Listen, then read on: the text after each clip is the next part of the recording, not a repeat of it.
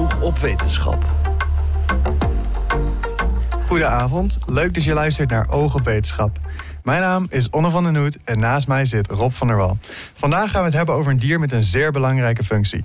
Rob, denk jij dan gelijk aan een bepaald dier?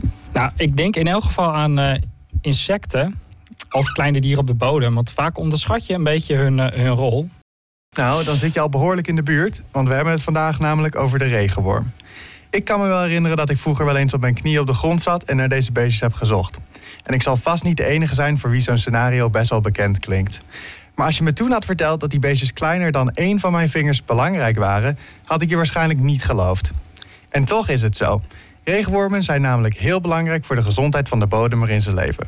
Hoe de regenworm de bodem precies gezond houdt en hoe wij hem daarbij een handje kunnen helpen, ik zou het persoonlijk niet weten. Voor het antwoord op deze vragen richten wij ons daarom tot. De gast van de week. In de studio is vandaag Jeroen Onrust, bioloog aan de Rijksuniversiteit Groningen. In 2022 nog organiseerde hij een wormentelling waarvoor meer dan 600 mensen een schop in de grond zetten. Jeroen, welkom. Dankjewel. Je vertelt ons net dat je vandaag bij de Noord-Nederlandse Bodemdag was. En daar heb je ook een lezing gegeven over regenwormen. Hoe vond je dat? Ja, was weer heel leuk. En enthousiaste mensen. Uh, en ook, ook altijd de, de verwondering die mensen toch ook alweer ervaren als, eh, als je vertelt over regenworm. Vind ik altijd wel mooi om te zien. Top. Nou, straks gaan wij ook nog met je in gesprek over de regenworm. En ook bespreken we in deze uitzending het laatste wetenschapnieuws. En je hoort Mark Hector over de wetenschap achter het liedje Happy in the Sound of Science. En wil je na deze uitzending meer oog op wetenschap? Volg ons dan op Instagram. Dan blijf je op de hoogte van onze volgende afleveringen. Wil je na deze uitzending niet wachten op een volgende? Op Spotify kun je al onze vorige afleveringen nu al terugluisteren. Oog op wetenschap. Jeroen, laten we meteen beginnen met een vraag waarvan ik vrijwel zeker weet dat je hem vaker krijgt. Mensen vertellen altijd dat een regenworm verder leeft als je hem in tweeën hakt. Wij vragen ons af, is dat ook zo? Ja, die vraag die krijg ik bijna bij elke lezing wel. Um, dat is niet zo. Um, het verschilt wel een beetje per soort, want je hebt dus verschillende soorten regenwormen. We hebben het vaak over de regenworm, maar de regenworm bestaat niet, want je hebt dus verschillende soorten. En je hebt één groep wormen, dat noem ik de grijze wormen. En die kunnen wel, als ze een stuk van een staart verliezen, weer een nieuw staartdeel aan laten groeien. Um, maar een groot deel van de wormen, bijvoorbeeld de rode wormen, uh, die kunnen dat niet en die leggen helaas het loodje. Dus, uh. Nou, jullie horen het mensen. Helaas voor de regenworm is dit feitje dus een broodje aap. Maar Jeroen, van alle dieren vragen wij ons wel af... waarom heb je nou eigenlijk voor de regenworm gekozen? um, nou, dat ligt eigenlijk een beetje aan um, ja, mijn achtergrond. Ik ben eigenlijk opgeleid als vogelonderzoeker. Um, en in onze vakgroep werken we dus veel aan vogels, maar kijken we dus ook veel naar het fourageergedrag van die vogels. En uiteindelijk kom je dan ook uit om naar het voedsel te kijken van die, van die vogels. Um, en een van die, die vogels waar we veel aan werken zijn weidevogels, waaronder de grutto. En die eten ook veel regenwormen. En van de grutto weten we eigenlijk al heel veel. En um, dus ik was tijdens mijn masteronderzoek ook op zoek naar een afstudeerproject. En toen kwam ik bij, uh, klopte ik bij mijn professor uh, op de deur, Teunus Piersma.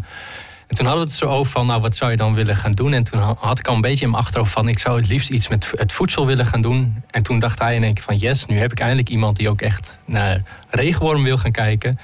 Um, want hij wist wel dat het belangrijk was, maar het eigenlijk nooit echt iemand ja, zo gek genoeg gevonden om ook naar die regenwormen te kijken. Um, dus zodoende ben ik eigenlijk in die, die, die wereld van die wormen gedoken. Oké, en hoe doe je dat dan precies, onderzoek naar regenwormen? Nou, het begon heel erg ook met vooral vanuit het perspectief van de vogels naar die wormen kijken. Want we wilden eigenlijk weten van hoeveel wormen zijn nou beschikbaar voor uh, uh, vogels. Hebben die vogels eigenlijk ook een, uh, een voedseltekort? Want we weten wel dat met heel veel vogels in het boerenland heel slecht gaat. De grutto neemt al jaren heel sterk af. Ehm, kan dat ermee te maken hebben dat ze te weinig voedsel hebben? Um, maar dan, daarvoor moeten we eigenlijk ook goed weten van hoe vinden ze nou die wormen? Uh, en wat doen die wormen nou precies? Um, dus op die manier uh, ja, kijk ik dus ook naar die regenwormen. Uh, dus ik probeerde eigenlijk een beetje in de huid van de vogels te, te kruipen en zo die wormen te observeren. Oké, okay, dus dan moet je weten hoe het gaat met die wormen. En hoe doe je dat? Ga je gewoon naar het veld en ga je daar wormen tellen? Of? Ja, eigenlijk wel. Um, maar dat is uh, wat makkelijker gezegd dan gedaan. Omdat regenwormen die, die zitten dus vooral in de, in de bodem. Dus je moet dan of bodemmonsters nemen om, om die wormen daar met de hand uit te pluizen. Ehm, maar toen ik begon, lag me de focus ook vooral op, ehm, op, op, op zichtjagende weidevogels. Zoals bijvoorbeeld de kieviet en de goudplevier. En die moeten het hebben van de wormen die aan het oppervlakte komen. Ehm, dus dan helpt het niet om een bodemmonster te nemen. Want dan, wat je dan vindt is niet, niet een goede benadering voor wat die, die vogels daadwerkelijk kunnen pakken. Ehm, dus toen. Dus, je moet eigenlijk een, dus ik moest een methode bedenken van hoe, om die wormen te tellen die rondkruipen. eh, die een goudplevier of een kieviet ook kan zien. En toen heb ik na lang eh, dingen uitproberen, kwam ik uit eindelijk op een hele simpele kar eigenlijk, waar ik dan met mijn buik op lig. Eh, en zo kan ik heel dicht bij die, die grasmat liggen en kan ik zo de wormen tellen die een, een, een, een vogel ook zou kunnen vangen. En dat was eigenlijk eh, de beste benadering. En dan is het simpelweg inderdaad gewoon eh, wormen tellen en eh, vergelijken met andere percelen bijvoorbeeld. Nou, Hoe, hoe was dat, zo'n zo'n eerste... Want je doet dit s'nachts, toch? Naar die wormen zoeken. Hoe was dat, zo'n eerste nacht dat je, dat je zag dat dat karretje werkte... om de wormen te kunnen tellen? Ja, dat was wel een hele bijzondere ervaring. Want ehm, ja, ik, ik wist tot die tijd eigenlijk ook nog maar heel weinig van regenwormen. Ehm, en ehm, ik dacht, ja, die vogels gebruiken misschien allerlei ehm, ja, eh, methodes om die wormen te vinden. Maar als je dan eh, s s'nachts in zo'n weiland staat, of, of eigenlijk rolt met die kar, en je ziet honderden, zo niet duizenden wormen rondkruipen, dat was wel een soort van eh, openbaring eigenlijk. Want ik had nooit gedacht dat er zoveel wormen die je ja, die eigenlijk zelf nooit ziet, eh, s s'nachts massaal naar het oppervlak te komen. Dus eh, ja, dat was wel eh, heel bijzonder. Bijzonder, ja. Ja. Nou goed, we hebben het nu wel de hele tijd over de regenworm. Maar je kaart het net zelf ook al een beetje aan. Er zijn meer dan één soort regenworm. Hoeveel soorten zijn er eigenlijk en hoe onderscheid je die soorten wormen van elkaar? Ehm, nou, wereldwijd zijn er wel een paar duizend soorten regenwormen. Ehm, maar in Nederland hebben we iets van 25 verschillende soorten beschreven. Eh, ik denk dat het er zelf wel meer zijn, maar dat, ja, we hebben er toch gewoon te weinig naar gekeken. Ehm, en eh, die wormen die lijken op het eerste gezicht wel veel op elkaar. En ik denk ook dat daarom ook veel mensen eh, nooit doorhebben dat er meerdere soorten regenwormen zijn. Maar als je bijvoorbeeld kijkt naar de kleur van de regenworm, dan kun je al een heel, heel groot onderscheid maken. Want je hebt hele donkerrode wormen, je hebt een beetje paarsige wormen, je hebt, je hebt blauwe wormen, je hebt groene wormen, je hebt hele grijze wormen, je hebt roze wormen, je hebt he- hele eh, kleurenschakeling aan, aan regenwormen. Ehm, daarnaast is ook de grootte wel belangrijk. Want je hebt ook hele grote regenwormen en hele kleine wormen. Die blijven dus ook heel klein. Ehm, en als je echt goed wil weten welke soort het is, dan moet je kijken naar eh, hoeveel ringen ze hebben. En een regenworm bestaat uit verschillende ringen. Eh, en dan moet je dus ook die regenworm van heel dichtbij bekijken en eigenlijk de ringen tellen. Oké. Bij grotere dieren kan ik me nog wel enigszins voorstellen hoe zo'n dier nou eigenlijk zijn dag besteedt. Maar bij een regenworm vind ik dat toch moeilijk. Wat doet een regenworm zoal? Hoe leeft een regenworm? Ehm, nou, een regenworm leeft eigenlijk net als alle andere dieren. Die is natuurlijk altijd op zoek naar voedsel om te overleven, maar ook om ehm, een veilige plek te zoeken om niet zelf opgegeten te worden. Ehm, dus regenwormen vind je dus ook eigenlijk bijna altijd in de bodem, behalve de s'nachts, dan komen ze naar boven. Maar wat ze daar dan doen is eigenlijk het voedsel verteren of afbreken wat ze s'nachts hebben verzameld aan het oppervlakte. En dat trekt ze dan de bodem in, in een holletje. En dat wordt dan daarmee afgebroken. En dat kunnen ze dan weer opeten.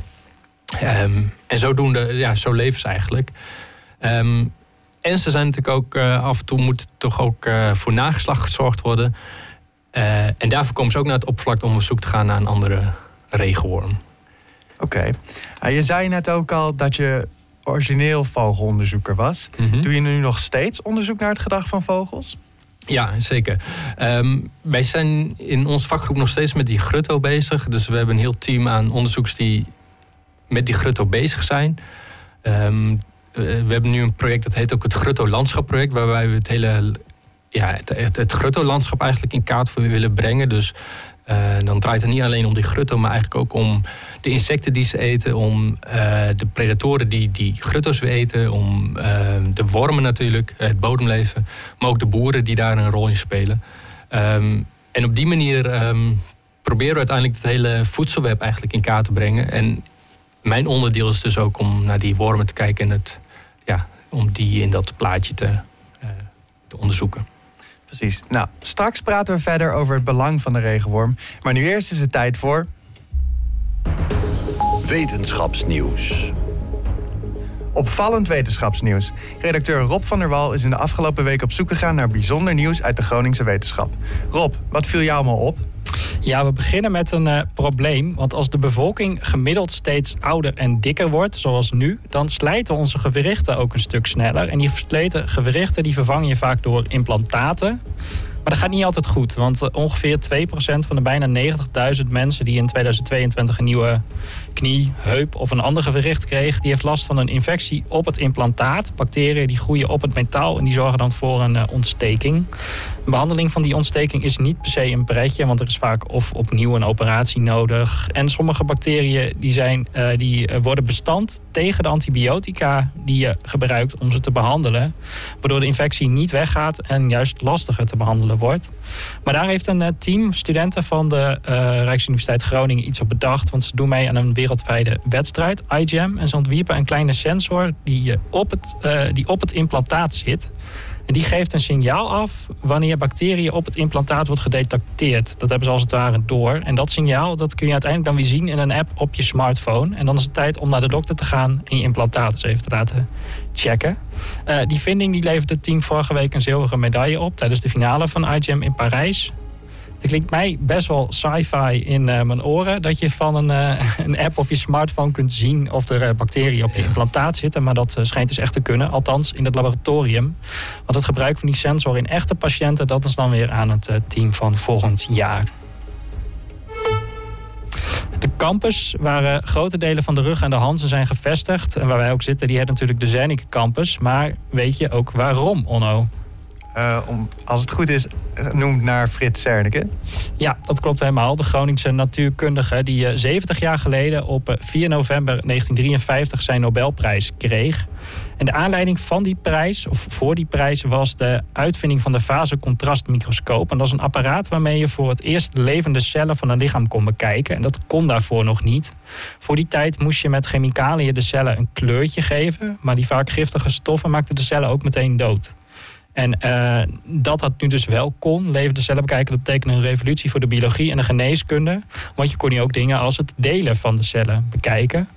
En die vinding is afgelopen zaterdag uitgebreid gevierd. Op 70 plekken in de provincie, van bibliotheken tot musea, konden mensen door een microscoop kijken. Een wedstrijd die erbij hoorde, die riep deelnemers op om hun eigen dingen mee te nemen om onder de microscoop te bekijken. En het meest originele object onder die microscoop, die, uh, dat was een pepernoot. En de achtjarige David van Wijk, die de pepernoot uh, meebracht, is nu hoogleraar pepernootkunde en heeft een microscoop gewonnen. Als je die dag gemist hebt, niet getreurd, want op zaterdag 2 november volgend jaar is er weer een dag vol microscopen. Wil je niet wachten, dan kun je in Forum Groningen terecht, want dan kun je een speciale pocketmicroscoop lenen die je kunt aansluiten op je smartphone. Dankjewel Rob. Oog op wetenschap. In de studio nog steeds Jeroen Onrust. Met hem hebben we het over het belang van de regenworm. Jeroen, voordat we het hebben over wat deze wormen allemaal voor ons kunnen betekenen, hoe gaat het nu eigenlijk met de regenworm in Nederland? Um, ja, dat is eigenlijk een hele goede vraag. Want het is waar ik ook wel lang mee bezig ben geweest, maar eigenlijk weten we het niet zo goed. Um, omdat we niet echt goede referenties hebben van hoe het vroeger bijvoorbeeld met de regenwormen uh, uh, was. Um, maar we proberen dat een beetje te reconstrueren door bijvoorbeeld in verschillende type graslanden te kijken. Dus bijvoorbeeld graslanden die net zo beheerd worden zoals dat vroeger altijd ging. Of met beweiding of met uh, de bemesting die anders is. En gewoon de, het, ja, het gangbare boerenland. En dan zie je wel behoorlijk wat verschillen. En dan vind je wel hoge dichtheden in het gangbare boerenland. Maar dat zijn eigenlijk maar één of twee soorten regenworm die je heel veel tegenkomt. En juist die, die grote rode wormen waar ik het eerder over had, die strooiselwormen, uh, die hebben het wel moeilijk in dat uh, intensieve boerenland tegenwoordig. Ja, en waarom zijn deze wormen nou eigenlijk zo belangrijk voor ons? Nou, ze spelen een cruciale rol in, het, in de hele. Um, ten eerste in de hele nutriëntencyclus eigenlijk. Dus, uh, dus ze breken organisch materiaal af. of dat, dat brengen de bodem in. Dat wordt afgebroken met behulp van allerlei schimmels en bacteriën. En dan komen de voedingsstoffen weer vrij. Dus daarmee kunnen de planten eigenlijk weer, uh, weer gaan groeien. Maar door hun gegraaf zijn ze ook belangrijk voor de bodemstructuur. Um, ze zorgen voor een lossere bodem, maar ook uh, dat die bodem toch op een bepaalde manier aan elkaar blijft, uh, geplakt blijft, omdat ze een soort slijm afgeven. Um, en ze zorgt daarmee voor, ook voor die gangen dat water beter wegzakt in de bodem, naar bijvoorbeeld naar heftige uh, regenbuien. En ja, eigenlijk waar het allemaal mee begonnen is, dat ze ook een belangrijke voedselbron zijn voor allerlei dieren. Niet alleen de vogels waar ik naar kijk, maar ook voor vossen en dassen en andere uh, mollen bijvoorbeeld ook. Oké, maar als landbouw zo'n negatief effect heeft op deze wormen en deze wormen zo belangrijk zijn, hoe komt het dan dat boeren daar niet over nadenken? Heb je daar een idee bij? Um, ja, dat is een beetje omdat de, de uh, wormen en uh, de, de natuur een beetje uit het oog, of de boeren de natuur een beetje uit het oog zijn verloren. Omdat er altijd wel allerlei middeltjes voorhanden zijn om bijvoorbeeld een, een lagere productie of zo weer op te krikken met behulp van kunstmest bijvoorbeeld, of door um, bepaalde middelen te gebruiken. Um, en dat is ook wat de meeste boeren tegenwoordig geleerd worden. En ze worden niet geleerd dat je ook juist wat meer aandacht aan die regenwormen zou kunnen schenken, omdat die natuurlijk ook heel veel uiteindelijk voor je doen.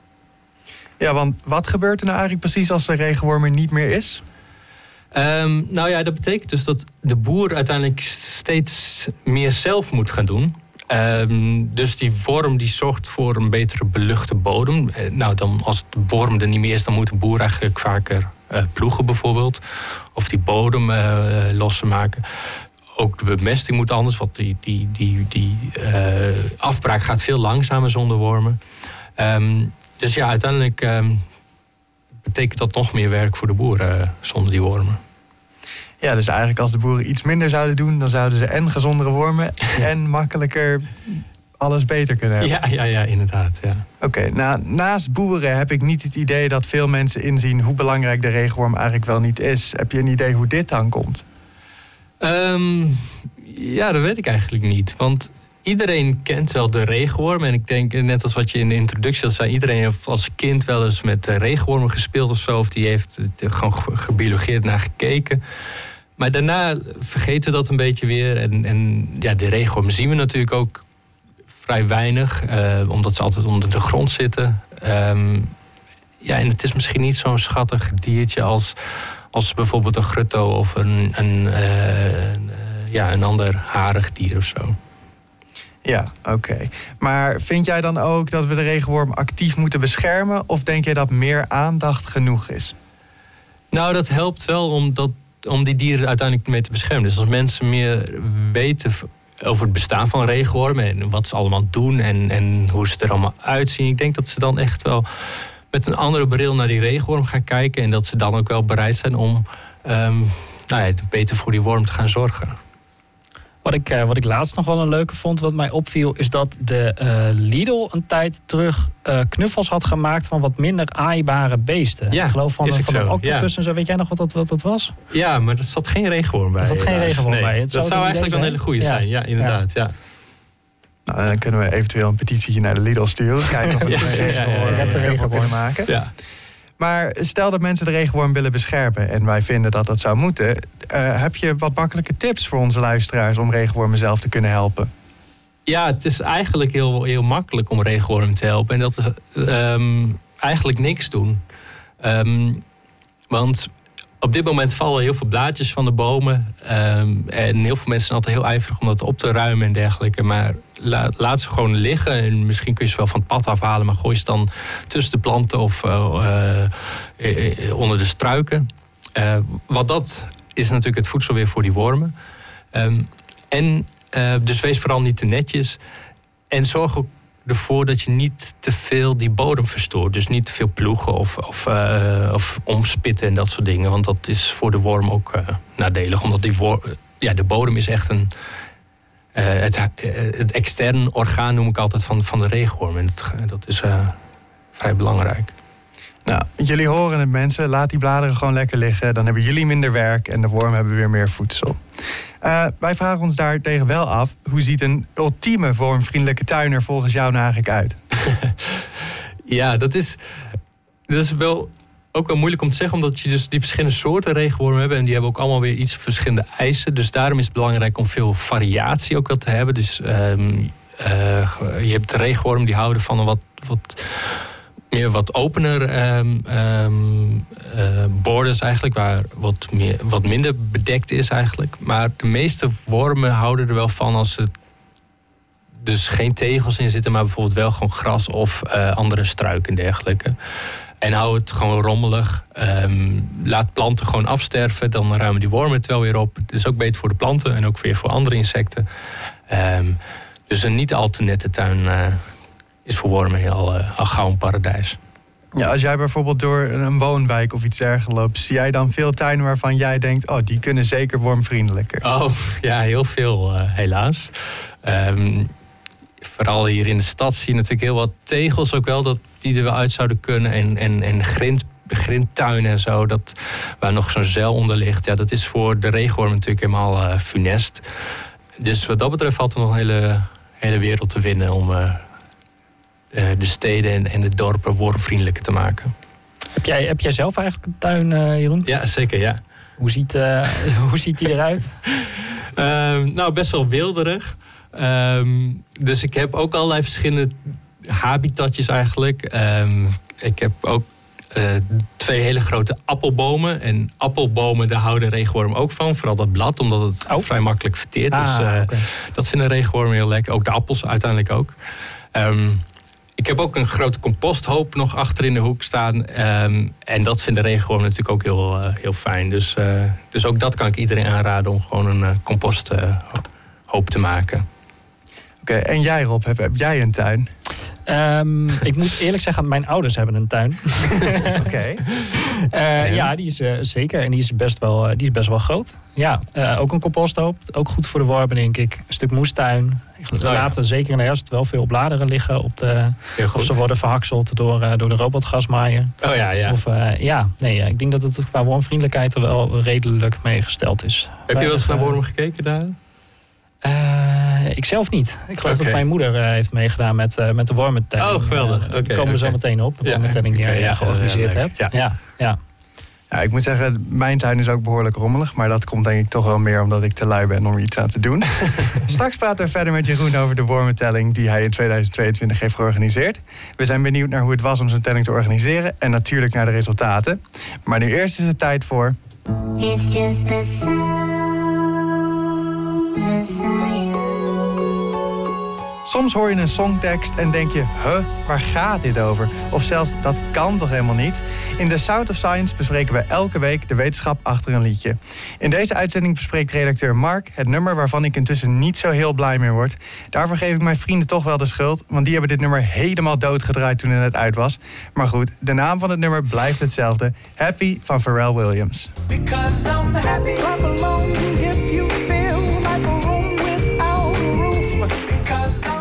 De een vindt hem bloedirritant, de ander is blij om hem voor de 3000ste keer deze maand weer eens op de radio te horen. Het nummer Happy van Pharrell Williams is op zijn zacht gezegd een megahit die iedereen wel kent, maar waar niet iedereen van houdt. Zoals de naam al aangeeft, is het een leuk en vrolijk nummer. En misschien weet je nog wel dat het origineel was geschreven voor de film Despicable Me 2 in 2013. Ja, het was voor mij ook een schok dat het alweer tien jaar geleden is. Laten we daar alsjeblieft niet te lang bij stilstaan.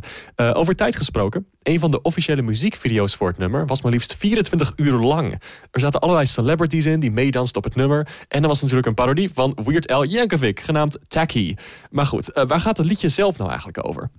Het vrolijke nummer dat geïnspireerd is door Motown en gospelmuziek heeft volgens Pharrell zelf het simpele doel om iedereen die er naar luistert een beetje vrolijker te maken. In het refrein zingt Pharrell Because I'm happy, maar waarom is hij zo happy? Waarom zouden we ons überhaupt happy moeten voelen? Het klinkt nogal depressief dat ik deze vragen stel. Uh, het past bij het jaargetijde. Maar ik ben wel nieuwsgierig naar deze emotie die we soms maar voor lief nemen. Dus laten we eens stilstaan bij blijheid. Blijheid is erg subjectief en ook relatief. Oftewel, voor iedereen is het anders en zonder negatieve gevoelens heb je ook geen positieve gevoelens. Hoewel Pharrell het heel simpel laat overkomen in zijn nummer, werkt het eigenlijk nog best ingewikkeld in ons brein. Er is niet één gedeelte aan te wijzen van de hersenen dat voor blijheid zorgt. We weten wel welke twee stofjes vooral met deze emotie te maken hebben. En dat zijn dopamine en serotonine. Dit weten we onder andere omdat mensen met depressie vaak veel minder van dit soort stofjes aanmaken. Als je je niet blij voelt, worden simpele taken een stuk lastiger dan normaal. Gewoon naar de winkel gaan of iets leuks doen met vrienden. Zelfs hobby's kunnen saai of zelfs slopend worden als je niet goed in je vel zit. Andersom maakt blijheid het dus juist makkelijker om bepaalde dingen op te zoeken die ons blij maken. Want dan weten we dat we veilig en tevreden zijn. Het heeft ook een effect op je lichaam. Je hartritme verandert, je voelt misschien vlinders in je buik, het verlaagt stress en je krijgt natuurlijk zo'n grappige grijns op je gezicht. Eh, waarom is dat zo in mensen ontstaan? Van waarom hebben we zo'n gekke bek die we dan trekken als we blij zijn? Waarschijnlijk is lachen en blij kijken een soort signaal voor onze soortgenoten, andere mensen dus, om ja, anderen te laten weten hoe we ons voelen. Mensen zijn groepsdieren, dus communicatie, zowel de woorden als andere uitdrukkingen, is erg belangrijk. Het grappige is dan ook, als we glimlachen, voelen we ons eigenlijk nog een beetje blijer. Uit onderzoek blijft zelfs dat je dat doen alsof je lacht, kan helpen om je brein een beetje voor de gek te houden. Ja, dat is natuurlijk allemaal erg interessant, maar wat zorgt ervoor dat we blij worden? Dat verschilt per persoon. Uh, zelf word ik blij van een avondje thuisblijven en wat gamen met vrienden. Terwijl anderen juist helemaal happy worden van uitgaan en feesten. Wat wel eigenlijk voor de meeste mensen geldt, is dat verbinding met anderen, vrijheid om te doen wat je wil, fysiek in orde zijn en een gezond dieet allemaal kunnen bijdragen aan je blijheid. Ook zonlicht heeft een effect op ons humeur, want het blijkt dat onze huid dankzij zonlicht meer vitamine D aanmaakt, wat ook een effect kan hebben op je humeur. Als laatste heeft sporten ook een positief effect. Dan maakt je brein namelijk meer van die stofjes aan die voor positieve emoties kunnen zorgen. Overigens, omdat lachen toch soms een serieuze zaak kan zijn, in dit jaargetijde, wanneer er minder zonlicht is en het weer nog net wat meer bagger is dan normaal, kun je last krijgen van een herfstdip of zelfs een depressie. Het is goed om te weten dat je absoluut niet de enige bent die hiermee te maken kan krijgen. Zelfs als je blijheid minder goed kan voelen, betekent het niet dat het er niet meer is. Er zijn altijd mensen die klaarstaan om je te helpen. Bijvoorbeeld de luisterlijn of 113 zelfmoordpreventie en natuurlijk therapeuten of vrienden en familie. Dus mocht je iets voelen aankomen, raad ik je aan om hier open over te zijn en om contact op te nemen. Het brein is een mooi systeem, maar soms werkt het niet mee en het heeft een zetje in de juiste richting nodig. Het was in ieder geval de missie van Pharrell Williams om mensen blij te maken met het nummer. En ik denk dat het hem dat zeker is gelukt ook. Uh, tenzij je het nummer inmiddels bloedirritant vindt, dan mag je maar even naar een ander station overschakelen. En zien we je graag over uh, uh, 3 minuten en 54 seconden weer terug. Bij ons in de studio is nog steeds bioloog Jeroen Onrust. In 2022 organiseerde hij een wormentelling. Maar hoe ging dat precies? En wat voor resultaten kwamen eruit? Daar gaan we het met hem over hebben. Oog op wetenschap. Jeroen, in 2022 organiseerde je dus al zoals gezegd een wormentelling. Wat moesten mensen daar eigenlijk precies voor doen? Um, nou, het eerste wat ze moesten doen was eigenlijk zich aanmelden. Uh, en dan kregen ze een heel uh, pakket thuisgestuurd met de instructies en dergelijke. Um, en uiteindelijk was het, want we hadden het op in één weekend gepland. En dan in dat weekend moesten ze dan wormen gaan tellen. En dat hield eigenlijk in door gewoon een, een kluit of een, kubus eigenlijk uit te steken van 20 bij 20 en 20 centimeter. Um, en dat uh, op een kleedje te leggen. En dan ga je dat helemaal met de hand uitpluizen. En dan elke worm die je tegenkomt, die deed dan even in een potje. En dan ging je vervolgens die wormen kijken hoeveel uh, je van elke groep had. Want we, we, we hoopten eigenlijk dat mensen dan ook gingen kijken of ze dan ook uh, die wormen kon onderscheiden in, in strooiselwormen, in, in pendelwormen en in uh, bodemwormen. Ging dat, dan, eh, ging dat eigenlijk een beetje?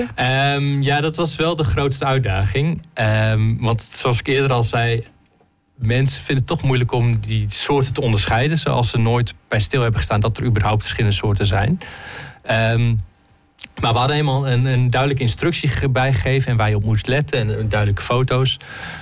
dus op zich ging het wel. Um, maar we hadden ook um, de optie erbij gedaan dat, dat, dat mensen een foto konden uploaden. Dus dan, dan uh, werden die wormen op een, op een, op een, een, A4-formulier gelegd in de juiste hokjes. En dan maakten ze daar een foto van en dat kon ze dan bij uploaden. Uh, en dan kon ik achteraf uh, die foto's nog weer bekijken om te zien of ze wel de goede wormen hadden gedetermineerd eigenlijk. Ah, precies. Ja, en daar zaten nogal uh, wat fouten tussen. Dus uh, het was wel goed dat, ze, dat, we, dat, we, dat we die optie nog bij hadden gedaan, ja. Mm -hmm. Oké, maar zoals ik in de intro al zei, meer dan 600 mensen deden mee aan deze Ja. wormentelling. Dus je had eigenlijk meer dan 600 foto's. Hoe, hoe deed je dat? Heb je die met de hand nog een keer bekeken? Ja, klopt. Ja, ja dat was wel, eh, eh, was wel veel werk en dat had ik een beetje onderschat. Ehm, en dat is ook iets wat we misschien in het vervolg anders zouden moeten doen. En misschien eh, ja, dat we daar eh, meer mensen op zouden kunnen zetten of zo. Maar ehm, ja, het was wel, eh, was wel even een klusje. ja. Zou je dat proces op de een of andere manier nog kunnen automatiseren, denk je? Of is meer mensen eigenlijk je enige optie?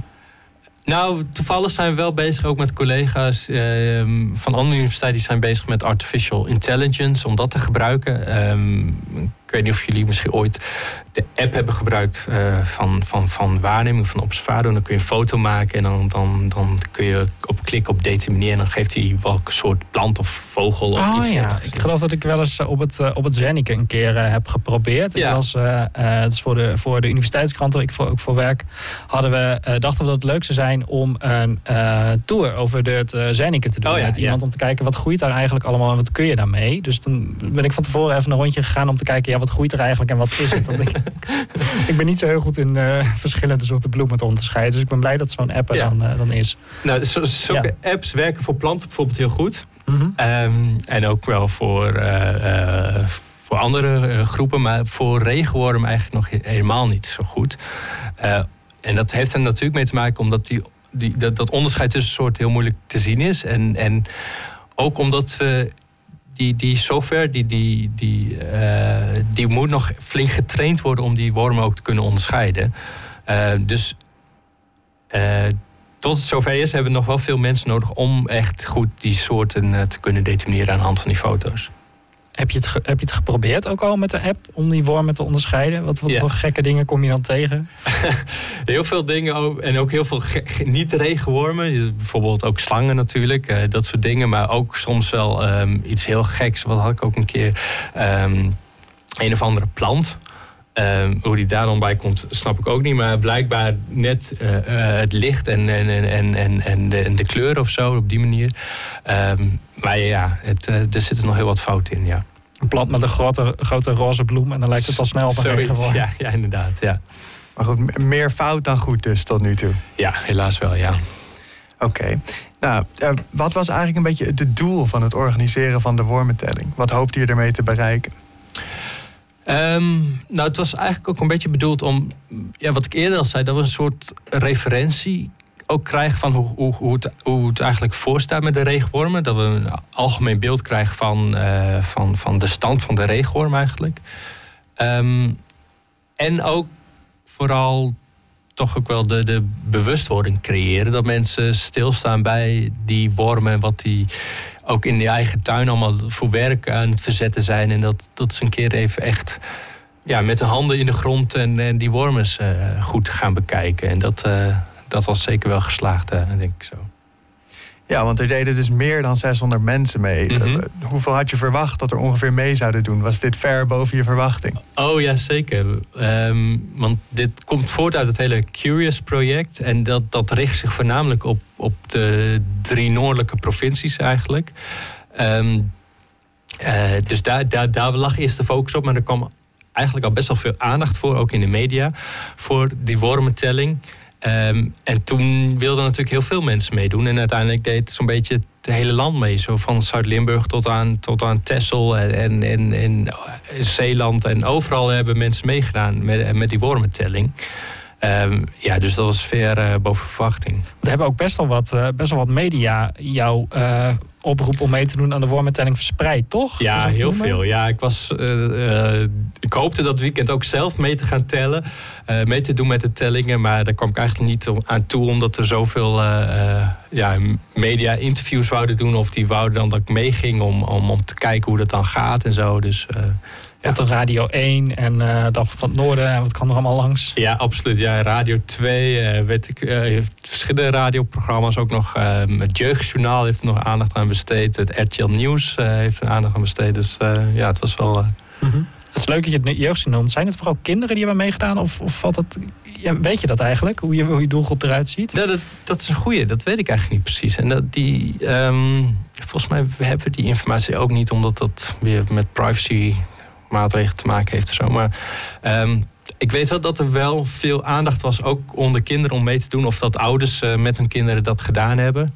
Ehm, ja, dat, omdat, zoals ik eerder ook al zei, het, kinderen ja, vinden regenworm echt wel eh, heel leuk eigenlijk. Dus, eh, Het was wel te verwachten in elk geval Ja. dat ze dat doen. Ja. Ja, en het, en het feit dat er dus mensen meedoen vanuit heel Nederland... in plaats van alleen vanuit de drie noordelijke provincies... geeft dat jou dan ook nog een beter beeld van hoe het er over heel Nederland met de regenworm voor staat? Of Ja, valt zeker. dat wel mee? Ja, nee, zeker. Ehm, eh, de drie noordelijke provincies is natuurlijk een groot deel van Nederland, maar de rest van Nederland is natuurlijk ook weer anders qua, qua, qua bodemtype en dergelijke. Dus ehm, ja, het levert ook eh, wat dat betreft heel meer informatie op. In, in, in wat voor bodem gedijt een regenworm eigenlijk het beste? Weten we dat al? Of is dat juist wat die regenwormtelling eh, moest achterhalen? Ehm, nou, als je kijkt echt naar bodemtype, dan vind je wel dat meestal op kleigronden, daar, daar vind je wel de hoogste dichtheden aan regenwormen. Ehm, dus eh, daar zou je kunnen zeggen dat dat voor regenwormen het meest ja, gunstige bodem is eigenlijk. En op zandgronden veel, vind je meestal de laagste dichtheden. En dat heeft waarschijnlijk mee te maken dat kleigronden natuurlijk meer vocht vasthouden, maar ook meer voedingsstoffen. Eh, en op zand, ja, die zijn natuurlijk veel droger. En eh, ja, droogte, dat is voor regenworm eigenlijk funest. Dus Mm, en die voedingsstoffen die zakken dieper de bodem in. Of, Ja, inderdaad, ah, ja. ja. En hoe, hoe staat het er nu eigenlijk voor met de resultaten van de wormentelling? Ehm, nou, we hebben dat, eh, dat eh, of ik heb dat vrij grof eerst gewoon uitgewerkt door puur naar de aantallen te kijken. En mensen hebben dus ook een heel formulier ingevuld waar ze die, die, die eh, wormen hebben verzameld. Ehm, dus bijvoorbeeld in hun eigen tuin en dan waar, onder de struiken, in het gazon, in de moestuin. ehm, of in het boerenland of in een weiland en dergelijke. En dat hebben ze allemaal ingevuld. En daar zie, heb ik al ehm de eerste resultaat van. En dat zie je ook wel dat juist bijvoorbeeld plekken die. eh, waar, waar vegetatie staat, dat, dat je daar al veel hogere wormendichtheden krijgt dan op plekken waar, waar, je gewoon kale grond hebt. Ehm, en wat, wat je ook ziet is dat eh, in moestuinen vind je vaak wel hoge dichtheden aan regenwormen. Maar als mensen in de moestuin ook nog eh, mulch gebruiken, dat is gewoon de bodem bedekt houden met bladeren of andere organisch materiaal, dat dat ook nog weer een positief effect heeft op de regenwormen. Dus dat laat ik zien dat juist die bodem zoveel mogelijk bedekt houden, dat dat goed is eh, voor de regenwormen. Oké, en hoe vond jij het persoonlijk om die wormentelling te organiseren? Ehm, nou, het was wel. eh, ik, ik vond het natuurlijk super tof dat, dat er zoveel mensen met regenwormen bezig waren. En, en, en dat er ook zoveel aandacht voor was. Ehm, ja, ik zie mezelf altijd wel een soort wormenambassadeur. Dus ik, dat was wel echt eh, een van de hoogtepunten van, eh, eh, voor, de, voor de wormen toen ook. Dus ook wel. Dus ik was daar wel heel blij mee. En ook, ehm, maar het was ook wel heel veel werk toch ook wel. Want ik moest er eigenlijk even allemaal bij doen naast mijn reguliere werk als onderzoeker. Ehm, en dat had ik een beetje onderschat. Dus dat was wel, was wel even aanpoten toen de tijd. En kunnen wij nog een, een tweede versie van de wormentelling verwachten? Of in de toekomst? Of zit dat er niet in? Nou, dat zou, zou natuurlijk heel fijn zijn. Zijn ik krijg, toevallig kreeg ik vanmiddag ook nog weer de vraag of dat er weer eh aan zit, zit, zit te komen. Ehm, maar zoals ik al zei, het vergt wel veel werk. En ehm, we zouden dan eigenlijk wel dat beter moeten eh, stroomlijnen. Dat, er, dat bijvoorbeeld die dataverwerking ehm, automatisch gaat. Of dat, er, dat de hele infrastructuur erachter, dus de, website en, en, en de, de opslag van de data, en dat, dat dat allemaal goed geregeld is.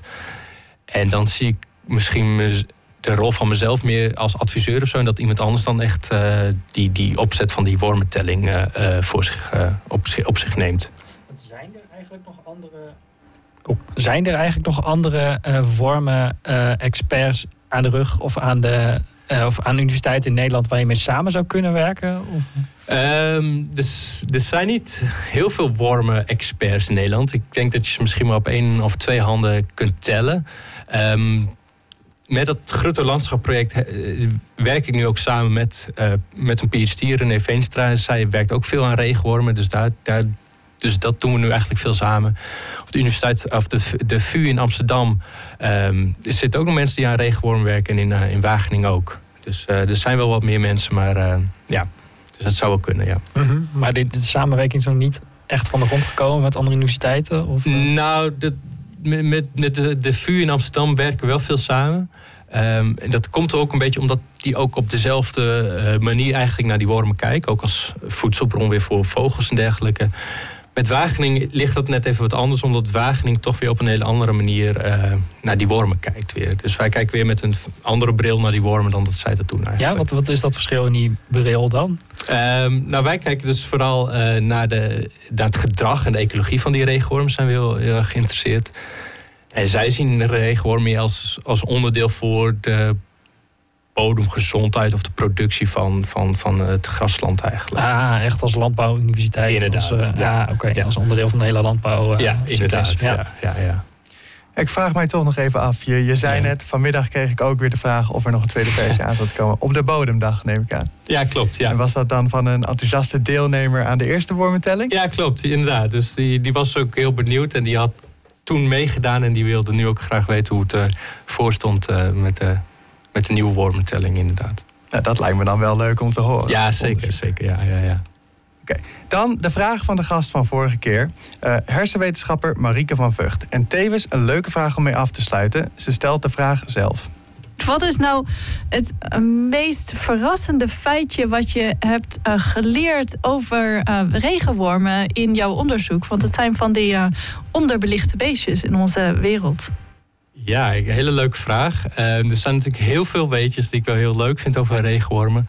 Um, maar een van de leukste vind ik misschien wel, en dat heeft Charles Darwin heeft dat onderzocht. Charles Darwin heeft zijn laatste boek ging over regenwormen. En dat is echt een fantastisch boek om te lezen.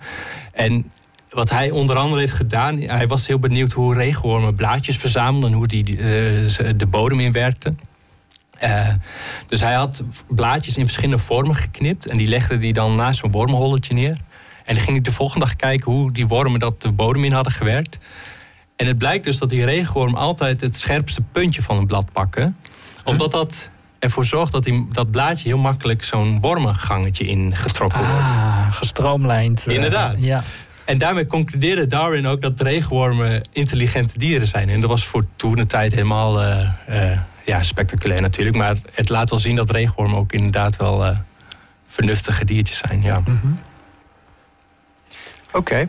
dankjewel Jeroen. Jeroen Onrust, bioloog aan de Rijksuniversiteit Groningen. Bedankt dat je vandaag bij ons aan wilde schuiven. De volgende uitzending van Oog op Wetenschap is over twee weken. Dan hebben wij Rina Knoef en Karin Holleman te gast. Zij gaan het hebben over het vrouwenlichaam in de geneeskunde. Jeroen, de beurt is nog aan jou om een vraag te stellen aan Rina en Karin. Welke vraag heb jij voor hen? Ja, ik vind het een interessant onderwerp. En ik was wel benieuwd of er ook naast uh, dat, uh, dat, dat het onderscheid tussen man en vrouw... of er ook uh, in, de, in, de, in de medische wetenschap ook meer wordt gekeken naar de rol van gender in het, uh, in het onderzoek eigenlijk. Dus uh, er zit natuurlijk heel wat nuance ook weer in. En of ook dat weer een effect heeft op nou, de medische wetenschap. Die vraag gaan we over twee weken aan ze stellen. Bedankt Jeroen. Oog op wetenschap. En daarmee zijn we aan het einde gekomen van deze aflevering. Oog op wetenschap hoor je zoals gezegd over twee weken weer. Is twee weken te lang wachten? Dan zijn alle eerdere uitzendingen van Oog op Wetenschap nu al terug te luisteren op Spotify.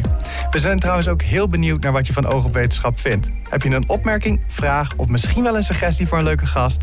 Laat het ons even weten via Facebook of Instagram. En volg ons dan ook meteen. Dan blijf je op de hoogte van onze volgende uitzendingen en wanneer de nieuwste aflevering op Spotify staat. Tot over twee weken.